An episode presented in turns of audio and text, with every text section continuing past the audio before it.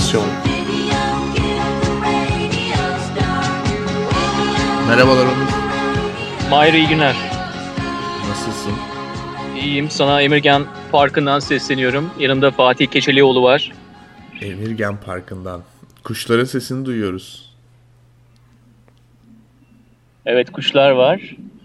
Martılar var. Martılar var. Senin buradan göremediğin e, varlıklardan da bahsedelim. Top oynayan çocuklar var. Ee, parklar bizim diye bir olay çıktı biliyorsun Onurcuğum. Duymuşsundur diye tahmin ediyorum. Gezi Parkı tahliyesinden sonra artık insanlar parklarda buluşuyor. O yüzden bizim de bu kaydı yarı e, yarımızın en azından parkta olarak yapıyor olmamız e, oradaki arkadaşlara bir selam niteliğinde diye düşünüyorum. E, nasıl Emirgan Parkı? Bu yazın anlam ve önemi açısından parkta olmamız gerçekten güzel. Emirgan Parkı şenlikli. Ee, bir huzur var Mahir. Demek ki parklara ihtiyacımız var hayatta. Fatih bu arada tekrar hoş geldin. Hoş bulduk Onur. Seni bu bu yaz 2013 yazında bu programda e, konuk almaktan, tekrar almaktan çok memnunluk duyuyoruz. Evet.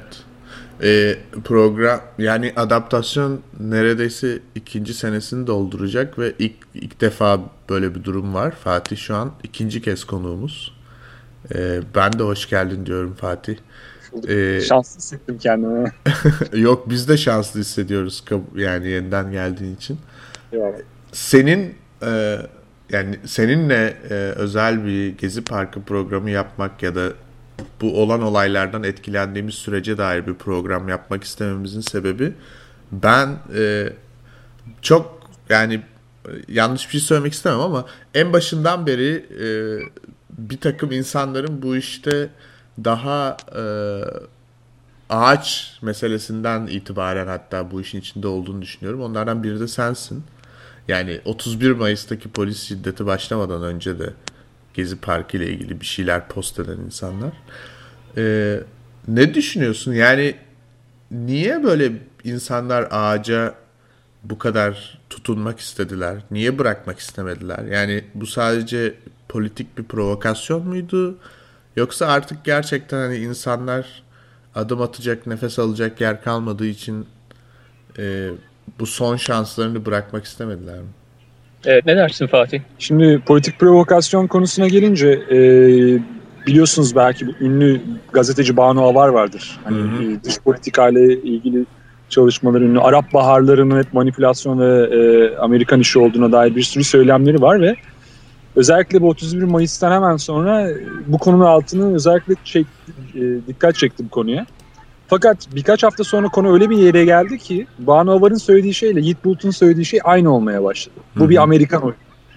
Bunun üzerine ben Banu Avar'a bir e-mail attım ve dedim ki yani bakın dedim Banu Hanım yani sizin şu anda söylediğiniz şeyle AKP'nin yandaş medyası aynı noktaya geldi. Olayların bir Amerikan manipülasyonu olduğunu söylüyorlar. Siz ne diyorsunuz dedim. O da dedi ki aslında böyle başladı. Fakat sonra halk oyunu bozdu dedi. Ya bu çok önemli bir konu. Yani bir provokasyon, bir manipülasyon olsa bile halkın sağduyusu şu anda o kadar uyanmış vaziyette ki ee, bu bütün oyunları bozuyor ve bu çok güzel. Gerçekten şu anda bugünlerde parklarda olan halk meclisleri de çok orijinal. Yani demokrasiyi yeniden tanımlama noktasına doğru gidiyoruz. Bunlar hayranlık verici, şaşırtı, şaşırtan durumlar ve e, heyecan verici buluyorum. Şimdi o zaman benim benim de yani bu e, politik provokasyonlar ya da işte komplo teorileri veya hani ajanların bu işi kışkırtması meselesi benim de yakından takip ettiğim bir şey. Çünkü e, ben her zaman için şöyle bir görüyorum olayları. Ortada çok büyük bir kaos var. E, bu kaosun içerisindeki enerjiyi yönlendirmek aslında e, hepimizin elinde. Yani e, zaten kaos teorisi anlamında da düşünürsek bir sürü e, farklı küçük ortağı var bu kaosun ve her birimiz o küçük ortaktan biriysek ve her birimiz aslında sadece kendi prensiplerimizle, kendi etiğimizle hareket edip diğerlerini düşünmeden, büyük e, pik, büyük resmi düşünmeden hareket ettiğimizde o büyük resme etki etmemiz aslında daha da mümkün oluyor ve bu e, direniş süresince ve direniş park tahliyesinden sonra olan durumların hepsinde sanki e, insanlar daha bir sevgiyle ve umutla hareket ettikleri için kaosun içerisindeki kötü enerjiyi yok ettiler diye düşünüyorum ben. Bilmiyorum doğru mu okuyorum ama ya da yok ediyorlar en azından. Yok etmek değil de e, dengeliyorlar diyebiliriz. Ha, yani evet. çünkü şu anda hala karanlık enerjinin hani kötü emellerin hı hı. oldukça iş başında olduğunu görüyoruz ama halkın sağduyusu dediğim gibi veya senin tanımladığın pozitif niyetler hı hı. E, olayı dengeli tutuyor. Şu anda bir zafer olmasa da e, çok umut verici bir hareketlenme var. Peki e, şeyi konuşalım mı Onur ve Fatih? Nasıl oldu? Yani bunun böyle öncesini bir şekilde anlamaya çalışalım mı? Yoksa e, bundan sonra ne olacak direkt onu mu konuşmaya başlayalım? Ya öncesine dair benim demin aklıma gelen bir şey vardı. Sen dedin ya insanlar nefes almak istiyorlar. O yüzden mi bu parkı bu kadar sahiplendiler? Şimdi burada tabii ki çok bariz bir durumda şu var. Ee, eğer AKP'nin 10 yıllık bir politikası, bir yönetimi olmasaydı, hı hı. bu işte özel hayata gelen bu bütün müdahaleler, yasaklanmalar olmasaydı bence halkımızın bu kadar da isyan edeceğini sanmıyorum 3-5 ağaçtan dolayı. Yani burada hı hı. birdenbire ya baksana polis orada ağaçları korumaya çalışan 3-5 gence nasıl davranmış ya deyip millet galeyana geldi. Hı hı. Ve e, bütün birikmiş olan e, öfke ve isyan ortaya çıktı. Ve burada çok güzel bir analiz de yapmak gerekiyor aslında.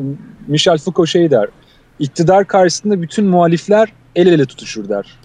Şu anda olan şey bu yani e, geyinden çevrecisine, devrimci Müslümanından Alevisine şu anda e, çok ciddi bir e, şey var. İşte Atatürkçüsünden ne diyeyim yani e, rejimden şikayet eden herkes hı hı. şu anda inanılmaz bir birlik noktasında Gezi Park'ın en güzel yönlerinden birisi de bu. Çok farklı sesler birbirine inanılmaz bir hoşgörü gösteriyor. Ve ulusal seviyeden uluslararası seviyede de aynısı gerçekleşiyor. Ee, özellikle tabii Brezilya'da olan olaylar ve e, İstanbul'daki olanların aksiyon olarak sanatçılar tarafından dünya üzerinde bunların dile getirilmesi, hmm. çeşitli enstalasyonların yapılması. Mesela Duran Adam'dan bahsedersek değil mi? Yani Duran Adam fenomeni 24 saat içerisinde bütün dünyaya yayıldı ve e, daha sanıyorum saat 6'da e, gece akşam 6'da durmaya başladı. Aynı günde saat farkından dolayı Los Angeles'ta saat 2'de duran adamları oluşturmaya başladılar Santa Monica e, promenadda yani yürüyüş alanında. Ya bu gerçekten de olduğumuz dünyada ulusal meselelerin yalnızca ulusalda kalmadığını, uluslararası alanda da insanların, sanatçıların, vatandaşların birleşebildiğini gösteriyor. Benim esas da buradaki sorum şudur. Bu birleşme bir ihtiyaçtan mı? Yani bizim imkanımız var Fatih. Birleşebiliyoruz. Ama imkanımız olması yalnızca bunu imkanımız olduğu için yapmıyoruz. Demek ki bir ihtiyacımız da var o birleşmeye karşı. Kesinlikle. Ne oluyor da o duran adam saat 6'da durduğu zaman işte onların saatiyle saat 2'de aynı günün saat 2'sinde öncesinde. Yani e, tabii aslında mesele global bir mesele. Yani burada sadece AKP hükümetinin sem sembolize ettiği bir iktidardan bahsetmiyoruz. Benim e, Portekiz'de yakın bir arkadaşım var. Olaylar başladığından beri onunla çok ciddi bir şey halindeyiz. E, iletişim halindeyiz. İnanılmaz bir desteği var Türk harekatına. Zaten Portekiz'de de bir şeyler olmuştu bu 31 Mayıs civarında. Sonra Brezilya'da asıl olaylar başladı. Brezilyalılar da Portekizce konuştuğu için orada bir bağlantı var ve e, sürekli olarak Ricardo ile biz böyle yazışıyoruz ve e, olayların ne kadar aslında aynı olduğundan bahsediyoruz. Ve diyor ki yani o da çok e, bir yoga okulundan arkadaşım yani çok spiritüel bir insan ve zaten aslında bu bir uyanış diyor. Yani uyanış gerçekten küresel bir uyanış olmak üzere şu anda. Dolayısıyla da e, bu gerçekten çok büyük bir dalga. Türkiye olarak bunun öncüsü olmamız da ayrıca güzel e, ve anlamlı buluyorum. Çünkü hep bahsedilen bir mesele vardır. Türkiye'nin jeopolitik konumu hani ortaokulda, lisede bile bizim üzerimizde böyle e, derslerde sürekli konuştuğumuz bir konu. Türkiye'nin jeopolitik öneminden dolayı da küresel e, bir kıvılcım yaktığımızı düşünüyorum. Yani özellikle işte baktığımız zaman Orta Doğu'nun durumu, Suriye'nin iç savaşı, AKP'nin Suriye iç savaşına olan müdahalesi, e, aslında e, Recep Tayyip Erdoğan'ın e, tavırları bizi bir 3. Dünya Savaşı'na götürmeye yakın. Yani işte Hitler'in yaptığına benzer bir çıkışlar yapıyor ve çok tehlikeli aslında bir taraftan. Dolayısıyla şu anda Türk halkının sağduyulu isyanı e, sadece e, Türkiye'yi değil aslında Orta Doğu'yu ve dolayısıyla tüm dünyayı çok ciddi bir şekilde ilgilendiren bir protesto. Ve bunu da bizim dünyaya yaymamız gerekiyor aslında. Biz sadece burada kendi politikacımıza karşı çıkmıyoruz. Biz burada dünya barışı için önemli bir enerjiyi koruyoruz şu anda ve farkındalar da aslında. Fakat hani tekrar tekrar altını çizmek gerekiyor belki. Peki o dengelemede yani ben esas da e, düşmanını çok iyi tanıman gerektiğini ve düşmanın en büyük öğretmenin olduğunu düşünürüm. Düşman lafını da e, çok da ciddi alarak söylemiyorum burada. Yani sonuçta düşmanın okuldaki öğretmenin de olabilir. Birisi düşmanındır. iki gün sonra en büyük dostun da olabilir. Yani o dengeleme içerisinde aktörlerin birbirleriyle irtibatında e, bizim de sesimiz var diyen insanlar mı var? E, ve en önemlisi ya bizim bireysel olarak neye ihtiyacımız var Fatih? Niye bu kadar birleşmeye bu kadar meyilliyiz? Niye ben Brezilya'daki adamla aynı anda kalbim onun gibi atmaya başlıyor? Veya işte o Santa Monica'daki sanatçıyı gördüğüm zaman gözümden yaş geliyor. Nedir? Bireysel olarak bizim ihtiyacımız nedir? Belki şu ana kadarki analizlerde en en eksik olan tarafta o. Ee, olabilir. Ee, zaten yani küresel e, aydınlanma bireysel aydınlanmadan bağımsız değil hiçbir zaman. Ee, biri ötekisini tetikliyor. Yani mesela 68 kuşağına baktığımız zaman o dönem olan e, küresel olaylar, büyük öğrenci hareketleri vesaire aynı zamanda bireylerin e, aydınlanmasıyla ve e, doğu felsefelerine yönelmesiyle de paralel gitmişti. Ve e, Batı felsefesi genelde e, yani sosyal bilimlere çok yakınken mesela Doğu felsefesi tamamen bireyin aydınlanması üzerinden giden bir yaklaşım. Dolayısıyla da burada tasavvufa girmek gerekiyor. Belki de Anadolu tasavvufundaki temel meselelerden birisi bu. Vahdide vücuda uyanmak. Yani aslında hepimizin tek bir vücut olduğuna uyanmak. Dolayısıyla da e, şu anda hissettiğimiz şey bu ve bu çok da uzağınızda olduğumuz bir şey değil. İnsanın özünde en temel ihtiyacı birliği hissetmek, aşkı hissetmek. Yani burada cinsel aşktan bahsetmiyorum. E, dostluğu hissetmek, birliği hissetmek. Ve şu anda olan e, olaylar tabii ki bunu körüklüyorlar, bunu buna ilham veriyorlar. E, bu açıdan çok güzel. Yani... O zaman materyal dünyanın bize sunduğu bütün olanakları bir tarafa koyup on, onun öne geçiremediği bazı ihtiyaçlarımızın da öne geçmesi gerekiyor. Yani evet, uyandırılma evet. esas da uyanıyorsak biz e, işte orada düşmanımız var, biz on, onlar biziz, onlar onlardır diye değil. Evet. Tabii. İhtiyacımız var. Tabii yani şimdi e, polise sarılan, öp, öpen onları çiçek veren protestocular da var. E, işte şey adı altında, pasif direniş veya barışçıl direniş adı altında.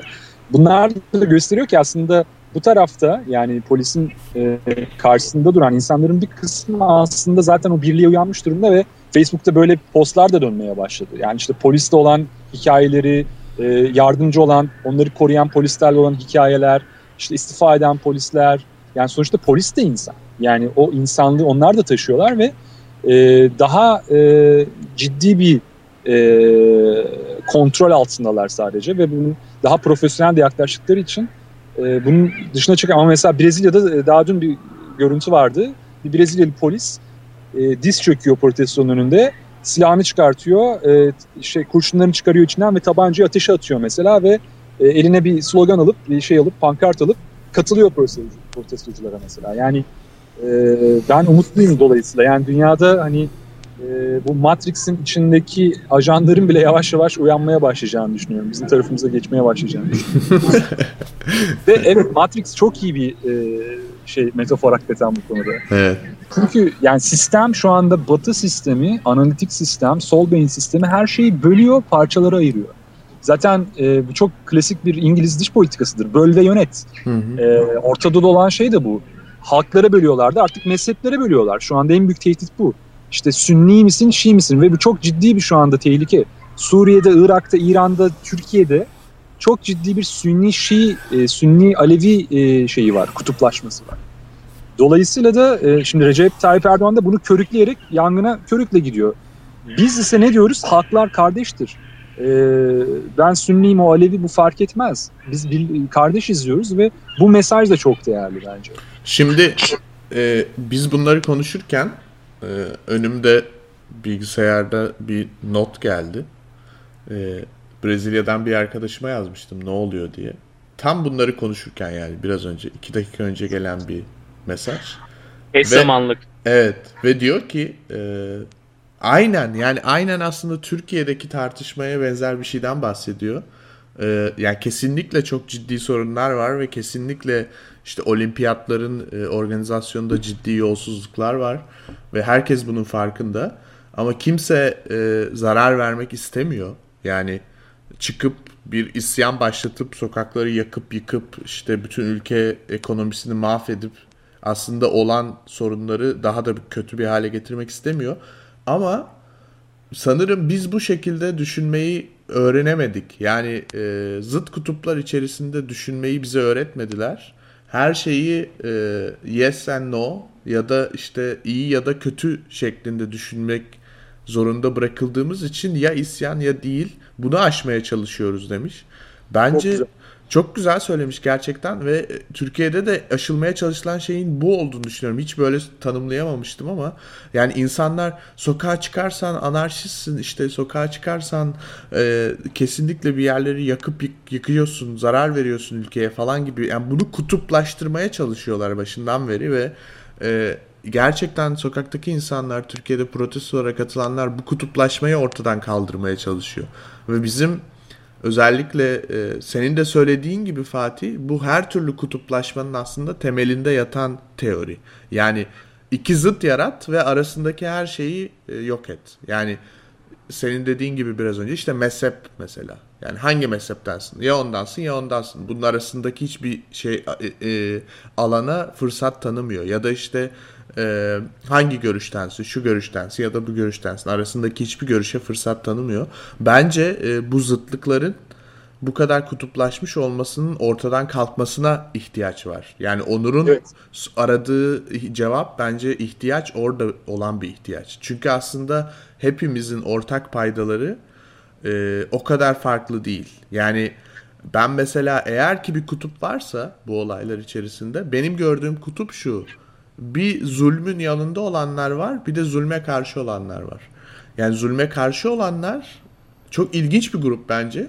Çünkü aralarında çok e, zulme elverişli şey durumu olanlar var. Ne bileyim yani, yani ekonomik açıdan ya da bununla ilgilenmemesi gerekiyor olanlar var. Yani e, ilgilenmeyeceğini bekleyebileceğimiz insanlar var. Ben olaylar ilk çıktığında yazmıştım. Bu bir vicdan meselesi diye. Yani Evet. Ben gerçekten ortak paydanın vicdan olduğunu düşünüyorum ve vicdan gibi bir şeyden konuşurken de insanın ne mezhebi kalıyor, ne politik görüşü kalıyor, ne ekonomik durumu kalıyor, ne yaşı kalıyor, değil mi? Yani hani böyle e, orada arada kutuplardan sıyrıldığımız anda arada kalan o e, alanda hepimiz o alanda olmaya çalışıyoruz diye düşünüyorum ve ihtiyacım bu olduğunu düşünüyorum. Yani zaten insan insan yapan şey vicdan. Hı hı. E, dolayısıyla yani olan olaylar bizi daha humanist, daha insancıl olmaya doğru götürüyor. Ne olursa olsun, şiddetli de olsa. E, şey konusuna gelince de e, bu hani zulüm gösterme vesaire. Orada da aslında hani gene çizgileri çok dikkatli çekmek lazım bence. Çünkü e, şimdi biliyorsun AKP'nin temel söylemlerinden birisi biz zulüm gördük diyor. Ve Hı-hı. AKP taraftarları da biz zulüm gördük zaten siz kim oluyorsunuz falan. Ee, burada önemli mesaj biz aslında hani e, yani direnişin mesajı biz her türlü zulme karşıyız. Dolayısıyla bence hani şu anda şunun da altını çizmek gerekiyor. Şu anki direnişte pek çok e, kamalist e, görüşler de var. Kutuplaşmanın Hı. önemli bir kısmı burada. Ve e, burada aslında ciddi bir faşist e, yaklaşım da var. Azınlıkta da olsa ve bu da işte aslında tamamen e, Atatürk'ün prensiplerine sıkı sıkıya bağlı olmak ve işte türbanı yasaklamak vesaire ve hani böyle bir iktidar da istemiyoruz biz aslında. Ben şahsen istemiyorum. Ve, Sen Mustafa Kemal askeri değil misin? Şimdi e, değilsin ya, galiba. E, ya bu konuda tam olarak yani Mustafa Kemal'i de e, kapsayan bir tarafım var tabii ki. Onu dışlamıyorum ve e, çok önemli bir e, lider olduğunu düşünüyorum ve pek çok yani geniş bir vizyona sahip olduğunu düşünüyorum. Fakat zaman değişiyor. Yani şu anda biz yeni bir çağdayız ve ruhsal, spiritüel bir uyanış da var ve e, bununla beraber daha kapsayıcı olabiliriz. Dolayısıyla ve hele ki şu hareketin içerisinde devrimci Müslümanlar bu kadar önemli bir yer tutuyorken yani şu anda bu birlik ve beraberlik havası içerisinde buradan yeni bir demokrasi ve hmm. her türlü farklı görüşün kendini ifade edebildiği, türbanlı bir öğrencinin üniversiteye de gidebildiği fakat layık bir devlet anlayışı yani layık bir demokrasi anlayışına dönmemiz gerekiyor. Hmm. Çünkü Bazı... layıklık olmadığı pardon e, yine bu dış politikayla bağlayacağım. Layıklık olmadığı noktada mezhep ayrılıklarına gitmeye başlıyoruz. Hı. Ama devletler layık olursa mezhepler de farklı dinler de aynı devlet altında huzur içinde yaşayabiliyor. Ama ne zaman ki devlet layıklığını kaybediyor şu anda AKP'nin yaptığı gibi o zaman e, bu e, mezhep çatışmaları körükleniyor. Zaten Atatürk'ün yurtta sulh, cihanda sulh demesinde ve layık devlet anlayışını benimsemesindeki en önemli faktör bu. Bu noktada biraz Kemalistim ben ama fanatik Kemalist değilim. O da tehlikeli bir şey çünkü bana göre. O zaman Fatih istersen düşünsel seviyeden biraz daha e, olayı ruha, ruhani tarafa çekmek istiyorum. Eyvallah. Yani olduğumuz şurada tatbikat alanımız olan bu park ve bu şehir, bu ülke, bu dünya, bu yer küre üzerinde biz esaslı bir yansıma yaşıyoruz. Yani biz burada e, üç boyutlu bir dünyada senle karşı karşıyayız bir parkta oturuyoruz. Mayer New York'ta bize katılıyor. Ama fakat biz biliyoruz ki bu yansıma içerisinde biz birbirimize irtibatımızı sağlıyoruz ve birlikte uyanıyoruz, birlikte çalışıyoruz, birlikte oluyoruz. Hı hı. Rakamlarla giden dünyamızda, ilerlemenin hep rakamlarla ifade edildiği dünyada bu zaman zaman bir tezat oluşturabiliyor. Yani ilerleme işte şu kadar bundan tükettin, şu kadar kullanım değerine sahipsin, bak sen şuydun, bu oldun gibi öncesi ve sonrası olarak devamlı empoze edilmeye çalışılıyor. Ama biz biliyoruz ki bu yansıma dünyasında esasında gerçekliği oluşturan şey yalnızca o rakamlarla ifade edilen ve nasıl materyal olan şeyleri nasıl şekillendirdiğimiz değil. Onun üzerine bir gerçeklik var ve esas da yaşam ve ölüm tek gerçeklikse aradaki bu rüya içerisinde biz o rüyada yaşarken o gerçekliği arıyoruz. Onun için materyal bir noktadan sonra bizi tatmin etmemeye başlıyor. Eyvallah. Şimdi zaten e, yani spiritüel bakış açısından gidersek e, şu anda Kali Yuga içinde yaşıyoruz biz. Ve tradisyonel e, spiritüel gelenek diyor ki şu anda Kali Yuga'dan dolayı nicelik, niceliğin egemenliğini yaşıyoruz. E, önemli e, tradisyonel filozof Rene Guénon böyle söylüyor. Yani dünyada nicelik egemen, nitelik geri planda azınlığa düşmüştür. Dolayısıyla maddenin ve hayatın ve e, varoluşun niteliğine değil niceliğine bakıyoruz, sayısına bakıyoruz. E, bu da dünyanın en önemli krizi. Şu anda çok, çok materyalist bir dünyada yaşıyoruz. Ve aslında e, bunun da sonuna doğru geliyoruz. Bazı Tibetli ve Hint e, yaklaşımlarına göre Kali Yuga'nın, karanlık çağın sonuna doğru geliyoruz. Çok yakında büyük bir aydınlanma olacak. E, Tibet kehanetleri bunun 200 yıl kadar sonra olacağını söylüyor. Büyük biraderin şu anki iktidarın iyice yayılacağını söylüyor ilk başta. Yani daha da dibe vuracağız ve daha karanlık günler göreceğiz. Sonra gerçek bir dünya barışı ve dünya aydınlanması yaşayacağız. Ama ben e, aslında yani kesin bir plan olmadığını düşünüyorum ve bizim eylemlerimizin de bunu değiştirebileceğini düşünüyorum. Dolayısıyla şu anki hareket çok önemli. Şu anki hareket eğer niceliğin egemenliğini yıkabilirse ve ruhun güzelliğini hatırlayarak birlik bilincini e, dünyaya aşılayabilirse o zaman bu altın çağı biz yakınlaştırabiliriz diye düşünüyorum. Ve şu an elimizde yani biz aslında şu anda konuştuğumuz anda büyük bir devrim ve büyük bir evrim gerçekleşiyor.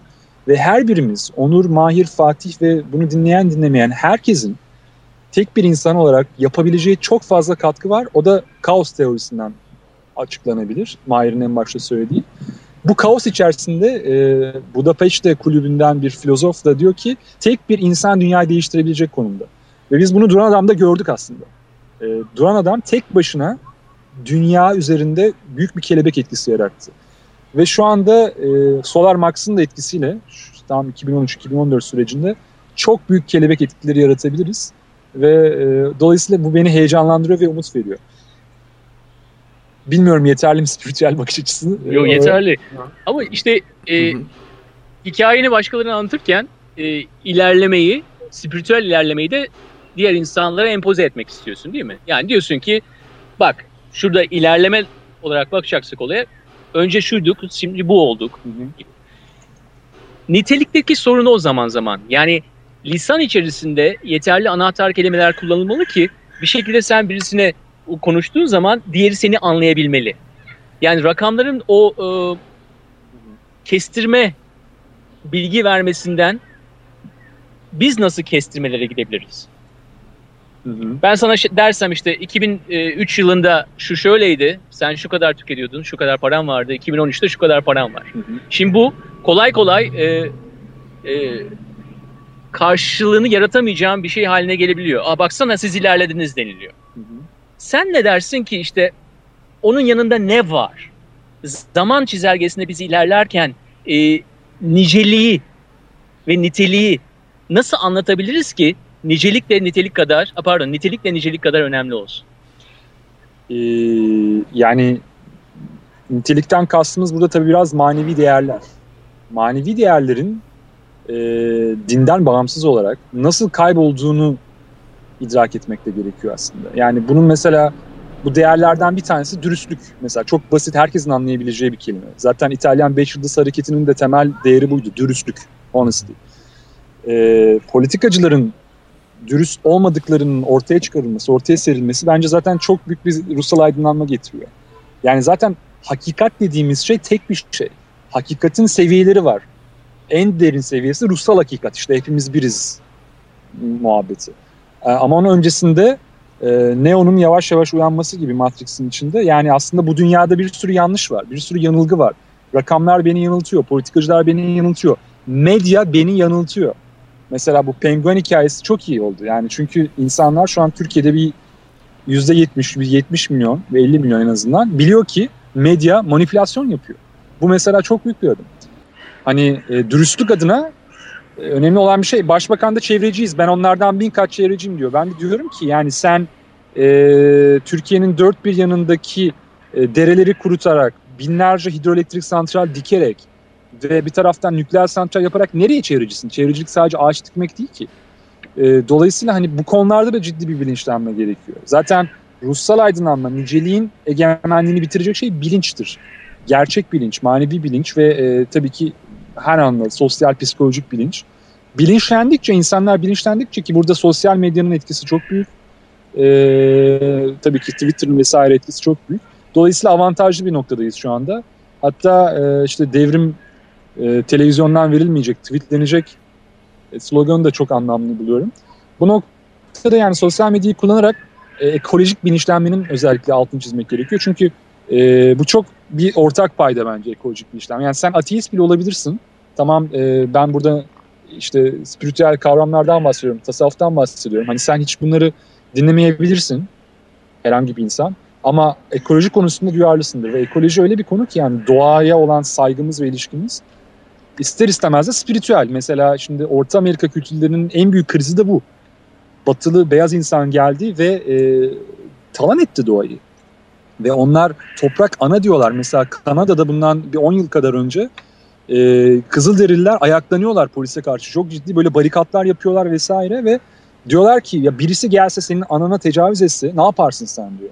Doğa bizim anamız diyor. Geldiler talan ediyorlar. Tabii ki biz isyan edeceğiz diyor. Dolayısıyla e, yani o noktada Gezi Park olaylarının 3-5 ağaçtan çıkması, parklardan, doğadan çıkması da bence çok önemli. E, sadece şu andan itibaren belki biraz ne yapmalıyız, nereye doğru gitmeliyiz, neyi kanalize, nereye kanalize etmeliyiz enerji bunu konuşalım. Ee, benim fikrim e, özellikle şu anda tüketim kültürünün de ciddi bir değişim sağlamak gerektiğini düşünüyorum. Çünkü pek çok insan şu anda hakikate uyandı, politikaya uyandı, medyaya uyandı ama tüketimi bırakmak daha zor. Dolayısıyla işte AVM boykotları vesaire bunlar güzel e, inisiyasyonlar, güzel başlangıçlar. Ve Fatih normal hayat dediğimiz zaman genelde o e, tüketim kültüründen bahsediyoruz. Ben dün Taksim'deydim. Esnafla sohbet ederken e, abi bugün normal hayata döndük. Dün de çok fazla insan gelmedi ama bugün artık insanlar tüketmeye başladı. Alıyorlar, hmm. dönerlerini alıyorlar, işte şeylerini hmm. yapıyorlar. Back to business yani. Back to business. Yani normal hayatın tanımlanması back to business. Evet. İş, iş hayatına geri dönebilmek. Çünkü nedir orada? Kayıp değer var. İşte biz kiramızı veriyoruz. Burada ne kadar fazla gösteri olursa ne yapıyor? Kira gider ama gelir gelmiyor. Evet. Dün Taksim'e gittiğim zaman işte duran adamlar vardı. Tabii polis duran kitap okuyan insanlar, polisler vardı. Onun dışında ise turist otobüsleri var. Hı hı. Değil mi? İnsanlar normal hayata dönmüş. Normal hayat tanımlamasında hı. başka şekilde tanımlayabilir miyiz? Fatih? Tabii ki. Yani zaten bu benim de e, son yıllarda 3-4 yılda özellikle iletmeye çalıştığım bir mesajdı. Yani alternatif bir yaşam mümkün. Yani illa ki ben gidip işte bir poşet içerisinde hazır gıda alıp hani e, böyle tamamen hazıra konmuş bir tüketim kültürü içinde yaşamak zorunda değilim. Özellikle işte e, Avustralyalı Bill Mollison'ın önderliğini yaptığı permakültür hareketi bu konuda çok ciddi bir alternatif sunuyor. Ya çok basit fikirler, çok basit işe yarayan fikirler. Mesela ben yemek pişireceğim. Evimde gerçekten her seferinde manava gitmem gerekmiyor. Hepimizin hemen hemen hepimizin bir ufak da olsa balkonu var. Ufak da olsa bazılarının bahçesi var.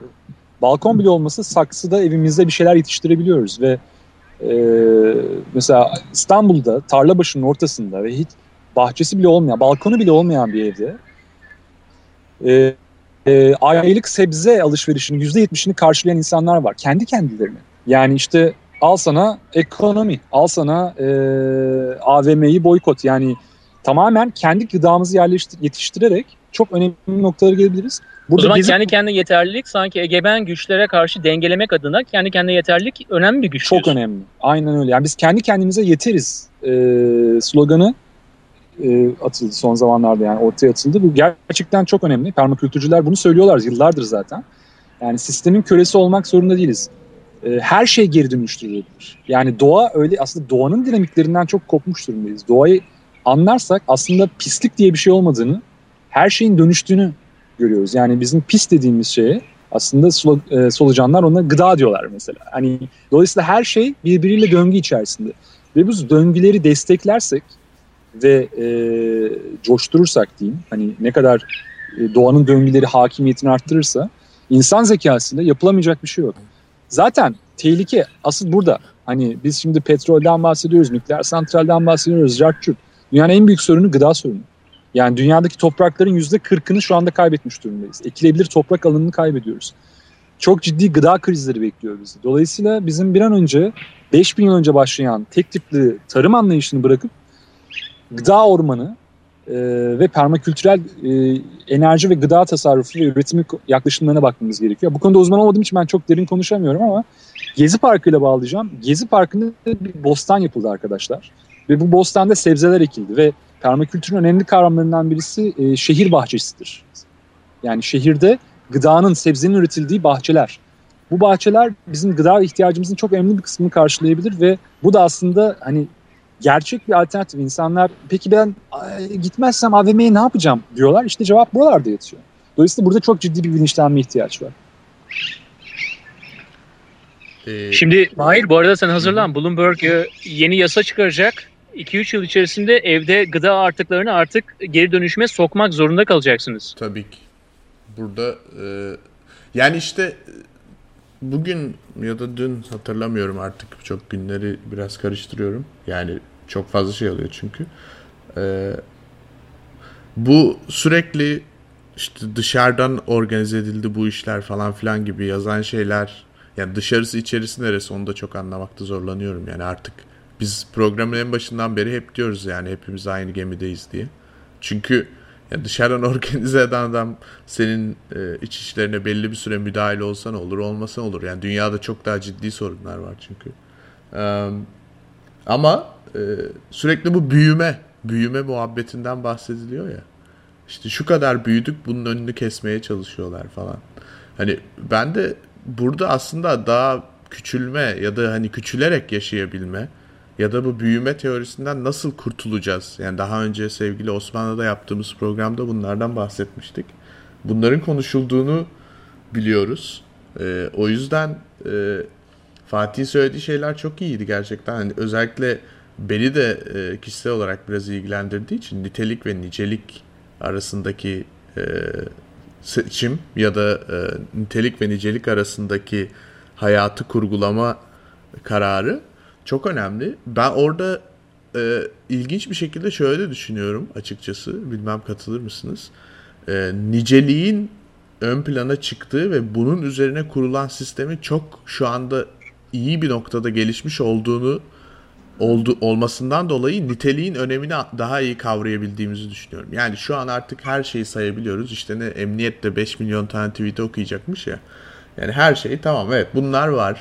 Ama bunlar hayatımızı çok etkilemiyor ya. Hani anlatabiliyor muyum? Böyle muhteşem rakamlar ortaya çıkmış. Muhteşem e, o rakamların muhteşem analizleri ortaya çıkmış falan. Bunlar sadece metanın metası olmakta öteye geçemiyorlar. Ama nitelikli bir iş varsa ortada, nitelikli bir arkadaşlık varsa, nitelikli bir sanat varsa, nitelikli bir tarım varsa, nitelikli bir düşünce varsa e, bunun önüne hiçbir şekilde e, 10 bin tane düşünce var ama ya da 10 bin tane arkadaşım var ama diyerek geçemiyorsunuz. Bunu görmemize ancak bu sayılarla tatmin olmamız durumu yol açtı diye de düşünüyorum ben. Yani artık tatmin olmaya başlıyoruz ha işte bu kadar sayabiliyoruz, bu kadar hızlıyız falan. Ama bunun bir şey değiştirmediğini anlıyoruz günün sonunda ve e, biraz yine Onur'un önemli sorusu bence programdaki ihtiyaç yine biraz buradan kaynaklanıyor diye düşünüyorum. E, şehir bahçelerinden bahsetti Fatih. E, bunun benim şimdi tabii aklımda en belki sonlara da yaklaşıyoruz. Yine uzun olabilir ama şöyle bir e, boyut açmak istiyorum. Şimdi teknoloji biraz önce Brezilya'dan arkadaşımın söylediği gibi hani e, iyi ya da kötü diye düşünmememiz gerekiyor. Bunu aşmaya çalışıyoruz hep birlikte gençler olarak diyor. Yine bu noktada da teknoloji çok iyi ya da çok kötü diye düşünmeyip bu işlerde yani nitelikli e, bir topluma ya da nitelikli bir dünyaya giderken bu teknolojiyi nasıl kullanabiliriz? Yani gerçekten inanılmaz imkanlar olduğunu düşünüyorum ve bu imkanların sadece büyük şirketler ya da sadece para kazanmak ya da sadece insanları gözetlemek için değil, çok daha güzel amaçlar için de kullanılabileceğini düşünüyorum. Sizin fikirleriniz var mı? Bunu merak ediyorum. Teknolojiyi nasıl daha iyi e, bir şekilde e, dolaşıma sokabiliriz? Şimdi en önemli unsurlardan bir tanesi ölçüm değerleri. Ben programın başından beri dediğim zaman hikayenin diğer insanlara nasıl anlatacaksın dedim. Burada o değerlerin oluşturması için teknoloji bizim için büyük bir imkan. Yani birimler, yeni birimler oluşturabilmek. Şimdi teknoloji 0-1'lerle bize geliyor ve bu 0-1'ler yeni birimlerin oluşması için kullanılabilir. Şimdi diyeceksin ki Onur ya biraz daha olayı bizim anlayabileceğimiz bir şekilde sokar mısın? Yani ne demek istiyorsun? Ben şunu demek istiyorum. Bakın elimizde bu imkanlar var. Ben bu imkanlarla 10 bin tane arkadaşım da olabilir. Değil mi? 100 bin tane tweet de atabilirim. Ama sonuçta ben kafamı yastığa koyduğum zaman o günün nasıl geçtiğine baktığım zaman teknolojiyle olan irtibatım sayesinde ben ne elde ettim? Kişisel olarak hangi gelişimleri sağladım? Ona bakmalıyım. Şimdi eğer ben önümdeki telefona işte her bip geldiği zaman e, eroine bir müptela gibi eğer telefonuma gidiyorsam ve bunu gün boyunca yapıyorsam burada bir düşünce sistemi yoksa bir değerler sistemi yoksa benim hayatıma hayat katan birimleri henüz oluşturmadıysam o zaman teknoloji iyi anlamda kullanılmamış oluyor. Onun için ben toplumsal birleşmelerden aynı zamanda kişi olarak bizim teknolojiyle olan irtibatımıza bakmamız lazım ve her teknolojiyle geçen günümüzde yalnızca diğer insanlarla birleşelim, ortak projeler yapalım demiyorum. Biz ne kazandık? Bunun sayesinde nasıl bir insan olduk? Teknoloji ben eğer Kore'deki bir insanla tavla oynayabiliyorsam, Brezilya'da olan e, herhangi bir hareketi dakikasında görebiliyorsam, duyabiliyorsam diğer duyu organlarına bunu nasıl yansıtabilirim? Çünkü biliyorsunuz ki teknolojinin en büyük handikapı ses ve görme üzerine olması. Bizim diğer üç duyumuz var ve onların üzerine duyularımız var. Biz ses ve görmekten diğerlerine nasıl geçiş yapılacağız? Ve inan bana teknoloji bunu tek başına yapamayacak arkadaşlar. Yani bizim hayat dilimiz boyunca bize ses ve görüntüden çok daha fazla bir şey veremeyecek eğer biz üzerine, üzerine kendi değer sistemlerimizi kurup üzerine bir şey ekleyemezsek. Burada biraz farklı bakacağım belki topik olacak ama zaten e, Şimdi Batı teknolojisinin, dolayısıyla Batı biliminin ve Batı felsefesinin temellerine baktığımızda dışarı bakış odaklı olduğunu görüyoruz. Doğu ise içeri bakış odaklı. Dolayısıyla mesela Batı'nın teknolojisi dışarıda gelişti, Doğu'nun teknolojisi ise içeride gelişti. Bundan kastım nedir? Bundan kastım yoga teknikleri, meditasyon, ve kişinin kendi teknolojisini, kendi mekanizmasını daha optimum kullanması mesela. Konsantrasyon, hafızayı nasıl geliştirebilirim, zekamı nasıl arttırabilirim. Yoga ve meditasyon bu konuda çok kadim bir bilim ve teknoloji aslında. Dolayısıyla e, biz eğer bu e, niceliğe ve dışarıya bakışa ve batının e, hakim olduğu bilimsel, felsefi alanı biraz doğununkiyle daha da dengelersek ve e, bu tür teknikler içe bakış teknikleri, kendi içimizdeki kaynakları kullanma hakimiyeti en azından dengesi oluşursa o zaman yeni teknolojide çünkü bütün bunlar mümkün. Yeni teknolojide Onur'un söyledikleri mümkün çünkü beş duyu ve ötesi var aslında kendi işimizde ve ben Brezilya'daki birisiyle telepati kurabiliyorsam eğer o zaman işte ben gerçek teknolojiye ulaştım. Ve bunu yaygınlaştırabiliyorsam ki bunlar da aslında kapıda bekliyor. Yeter ki niyet edelim, yeter ki bunlara açık olalım. Ee, hani parapsikoloji çalışmaları mesela hani e, Soğuk Savaş döneminde Rusya'nın yaptığı inanılmaz çalışmalar var. Ya bunlar aslında çok büyük cevherler. Bu cevherlere hiç dokunmuyoruz biz. Niye? Batı'nın hakimiyeti var veya korkuyoruz. Ya ne olur bilemiyoruz ama aslında bilim ve mistisizm bir araya geldiğinde en güçlü e, teknoloji o işte. Bilim ve mistisizm. Evet yani batı ve doğu, iç ve dış. E, bunları önemli, önem vermek gerekiyor bence. Mesela bir piramit bilimi diye bir şey var. Yani bu çok manyak bir konu yani kendi içerisinde. Bilim bir... ve mistisizm iyi parti ismi olur gerçekten. ben geçen programda Seks ve Hedonizm Partisi demiştim. Galiba evet. onu kat kat açtık şu anda daha e, seviyemizi artırabildik. Yani bu e, biraz Değer daha fazla... Değer sistemler arasında bir şey daha söylemek Aha. istiyorum Mahir. Değer sistemler açısından e, insanları değerlendirirken de e, kim ne kadar daha eğitimli, kimin ne kadar daha parası var, ne kadar nüfuzu var biraz e, niceliğe kaçıyor. Niteliğe hmm. baktığımız zaman bunların hiçbirinin esasında insanlar arasında hegemonyayı sağlayacak bir değer olmadığını anlayabiliyoruz. İnsanları tüm geçtaltıyla, tümüyle değerlendirme imkanı buluyoruz. Teknoloji de bu imkanı bize veriyor esasında. Yani karşındaki insanla konuşurken belki diğer aranızdaki farklılıklar ortadan kalkabiliyor ve orada işte hiyerarşi içerisinde sen üstte misin, altta mısın, sen komutan mısın, sen e, başkan mısın? Bunların ötesine geçebiliyoruz. E, ve biliyorsun iletişim için en önemli unsur da bu hegemonyanın özellikle bu hiyerarşiyle beslenmiş sistemlerin yerine eş zamanlıkla beslenen eşlik olmasıdır. Ve insanların arasında bu eşliğin olması sayesinde de birbirine hikayeleri daha iyi anlatabileceksin Fatih. Hı hı. Yani sen ve ben burada oturabiliyoruz sen herhangi bir insanla burada oturup birbirinize o hikayeleri anlatabileceksiniz. Eğer o hegemonik sistemin dışına çıkabilirsen. 5 dakika çıkarsın, 1 saat çıkarsın, tüm hayat boyu çıkarsın ama Hı-hı. o hiyerarşinin içerisine çıkabildiğimiz zaman esas. İletişim doğuyor gibi geliyor. Onun evet. için değer sistemlerimize dikkat edelim. Kimi ön plana çıkartıyoruz? Kim Hı-hı. Hı-hı. üstte, kim alttalardan e, biraz daha hani olayı enerjetik seviyeye çekmek gerekiyor sevgili evet. Fatih. Zaten bence bu son günlerde parklarda olan da biraz bu.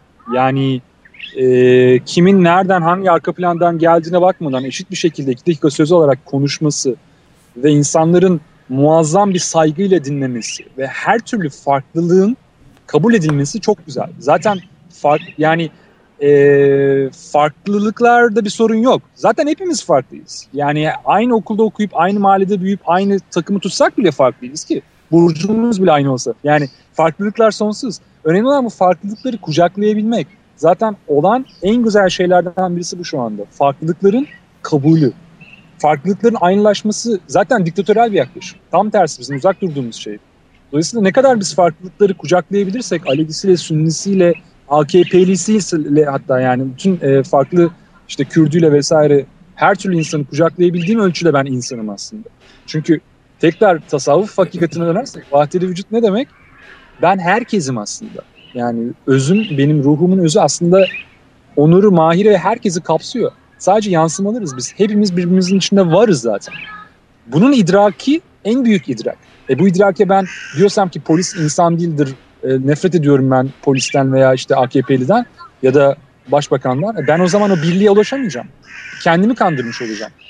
Evet her insan çerçevesini bu kadar genişletemiyor belki ama bence vizyon bu. Yani sosyal e, aydınlanmayla ruhsal aydınlanmanın ortak faydası bu. Ne kadar farklılığı kabul edebiliyorsam o kadar insanım. Ve bence bu açıda çok güzel, bu açıdan çok güzel açılımlar yaşıyoruz. Ee, Mahir yine bir umut dalgası var buradan yine bir iyimserlik var. Evet. Var tabii. Onur e, ya olayların en başından yani ilk gününden itibaren e, yakın çevremde, arkadaş çevremde bu olayı en iyi okuyanlardan birinin sen olduğunu düşünüyorum. Yani çok insan çok farklı şey söyledi ama senin o ilk andaki vizyonundan henüz çıkmış değil durum. Ee, ben de umutluyum. Yani gerçekten e, ya bu enerjinin bir şekilde kinetik olarak güzel şeylere dönüşmeden ortadan kalkmayacağını umuyorum bu sefer. Ee, biraz önce Fatih'in söylediği şeye ek olarak da şunu söylemek istiyorum. İnsanlar birbirlerini dinliyorlar, birbirlerine tahammül etmek değil, yani birbirlerini kabul ediyorlar, birbirlerini anlamaya çalışıyorlar saygılı bir şekilde. Bence bu çok güzel çünkü çok kafalarını dinliyorlar yani şu anda düşünsene 10 senedir hatta doğduklarından beri bu nesil ister X generation olsun ister Y generation olsun ya da nasıl diyorsan de yani 80 öncesi 80 70 70'lerde doğanlar 80'lerde 90'larda doğan sürekli abuk sabuk şeyler dinliyorlar abi yani televizyonda abuk sabuk şeyler dinliyorlar işte yani niteliği olmayan 3-5 kişi çıkmış böyle bir tiyatro gibi bir şeyler yapıyor, tartışıyor falan. Ya da politikacıları dinliyorlar. İşte e, yani son birkaç gündür başbakanın ya da hükümetin çabalarını görüyoruz. Yani ben buradan dışarıdan belki biz biraz daha net görüyoruz. Yani gündemi değiştirmek için elinden geleni yapıyor. Yani ne bileyim böyle hani değişmediği için daha radikal şeyler açıklamaya çalışıyor sürekli.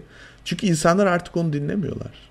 Yani bu bence bu olayın en önemli e, kazançlarından biri bile olabilir. İnsanlar e, aynen biraz önce yine Fatih'in dediği gibi nasıl ki suretlerimiz, yansımalarımız farklıysa her birimizin de ne kadar benzer ama ne kadar farklı olduğunu anlayıp e, birbirlerini dinleme e, bilincine ulaşmış olabilirler diye düşünüyorum. E, yani bunun sadece benim e, endişem demeyeyim ama yani gerçekten önemsediğim bir konu. E, ve özellikle burada e, Occupy Wall Street'ten e, Justin dediğimiz bir arkadaş bir sunum yaptı. Onun da söylediği en önemli tecrübelerinden biri bu tip hareketlere karşı. Nasıl bunun sürdürülebilir bir platforma geçirilmesi gerekiyor. Yani sistemin önerdiği araçlar üzerinden değil sadece. Ya politik parti kurmak vesaire falan filan. Bunlardan değil. Ama nasıl yaratıcı ve e, yeni bir platforma, sürdürülebilir bir platforma bu enerji, bu bilinç, e, bu tecrübeler aktarılabilir. Umarım bunun yolu da e, Emirgen dahil olmak üzere İstanbul'daki bütün parklardan çıkar diye düşünüyorum. O zaman bitirmeden önce e, Fatih bu park meclisleri ve bu 2013 yazında İstanbul'daki parkları değerlendirmemiz açısından ne görüyorsun? 2013 yazımız nasıl geçecek? Yani belli ki çok hareketli geçecek. Zaten e, Solar Max dönemindeyiz. E, yani çok iyi bir dalga yakaladık. Bu çok iyi dalgayı bence kullanmalıyız. Solar Max dönemleri arkadaşlar 11 yılda bir geliyor. E, yaklaşık 2 yıl sürüyor bu işte güneşteki patlamaların en maksimum olduğu dönem. Ve e, yani bilim adamları gösteriyor ki aslında bütün sosyal hareketler, bütün devrimler %80, %90 oranında Solar Max'ı olmuş. 68 kuşağı, 68 dönemi. Ee, Rus komünist devrimi, Fransız devrimi, ee, Rusların tekrar ikinci devrimi, komünizmin yıkılışı. Bütün bu hareketler aslında Solar Max'a denk geliyor ve e, Arap Baharı ile başlayan ki Arap Baharı aslında e, yani biraz manipülatif yönleri de olan bir şey ona artık girmeyelim de ama ben e, Türkiye'deki hareketin çok otantik olduğunu düşünüyorum ve Brezilya'dakinin de öyle. Bu dalgayı yakalayıp bir şeyleri artık yani bir, bir eşiği aşmışken bir noktaya gelmek çok önemli. Artık programda vakit kalmadı hani ne yapabilirizin detayını belki başka bir program yaparız ama gerçekten Mahir çok önemli bir şey söyledin sen. Yani bu enerji örgütlü, akıllı ve e, iyi çalışan bir yere kanalize etmek gerekiyor. Bu mevcut sisteme alternatif yöntemler geliştirerek ki burada bence İtalyan 5 e, yıldız harekatı çok güzel bir örnek veriyor. E, tamile e, televizyon hiç kullanmayarak sadece sosyal medya ve meydanları kullanarak halkı bilinçlendirmek gerekiyor. Öncelikle bence yapılması gereken şey bu. Çünkü halk bilinçli değil şu anda. Biz sosyal medya kullananlar çok şey uyandık ama biz hala azınlığız. Dolayısıyla belki köy köy gezip oradaki insanların hem dertlerini dinleyip bunları diğerlerine aktarmak. İşte Redek'in kırdığı hükümetin tarımcı e, tarım politikasını dinletmek. İşte e, HES'leri anlatmak belki, nükleer santralden bahsetmek. Şu an Türkiye'de çok fazla sayıda nükleer silah var. Türkiye'nin Suriye politikası aslında nereye gidiyor vesaire. Bütün bunları paylaşmak gerekiyor halkla ve onların da bizimle paylaşacağım yani bir bütünleşme gerekiyor. Şu anda biz hala şehir insanıyız ve halktan kopuz ne yazık ki. Yani, yani yerel halktan, kırsal halktan pardon. Kırsalla e, yani urban'la rural'ın, kırsalla şehirsel, kentsel olanın birleşmesi gerektiği bir noktadayız bence biraz. Sevgili Fatih çok teşekkür ederim. Zamanını ayırdın. Bu güzel parkta bizimle bu bir saati geçirdin. Son söylediklerinden ben şunu anladım ki en büyük dış mihrak güneşmiş. Mahir seni bu güzel parktan sevgiyle selamlıyoruz. Evet, e, ben de size Emirgan'daki tahta masaya ve size selam gönderiyorum. e, umarım e, bundan sonrası hepimiz için çok daha güzel olacak. Eyvallah. Teşekkürler Mahir. Her şey için çok zevkli oldu yine. İnşallah bir program daha yaparız. Ben doymadım. Fatih doyamıyor adaptasyona. İkinize de sevgiler. Haftaya görüşmek sevgiler. üzere.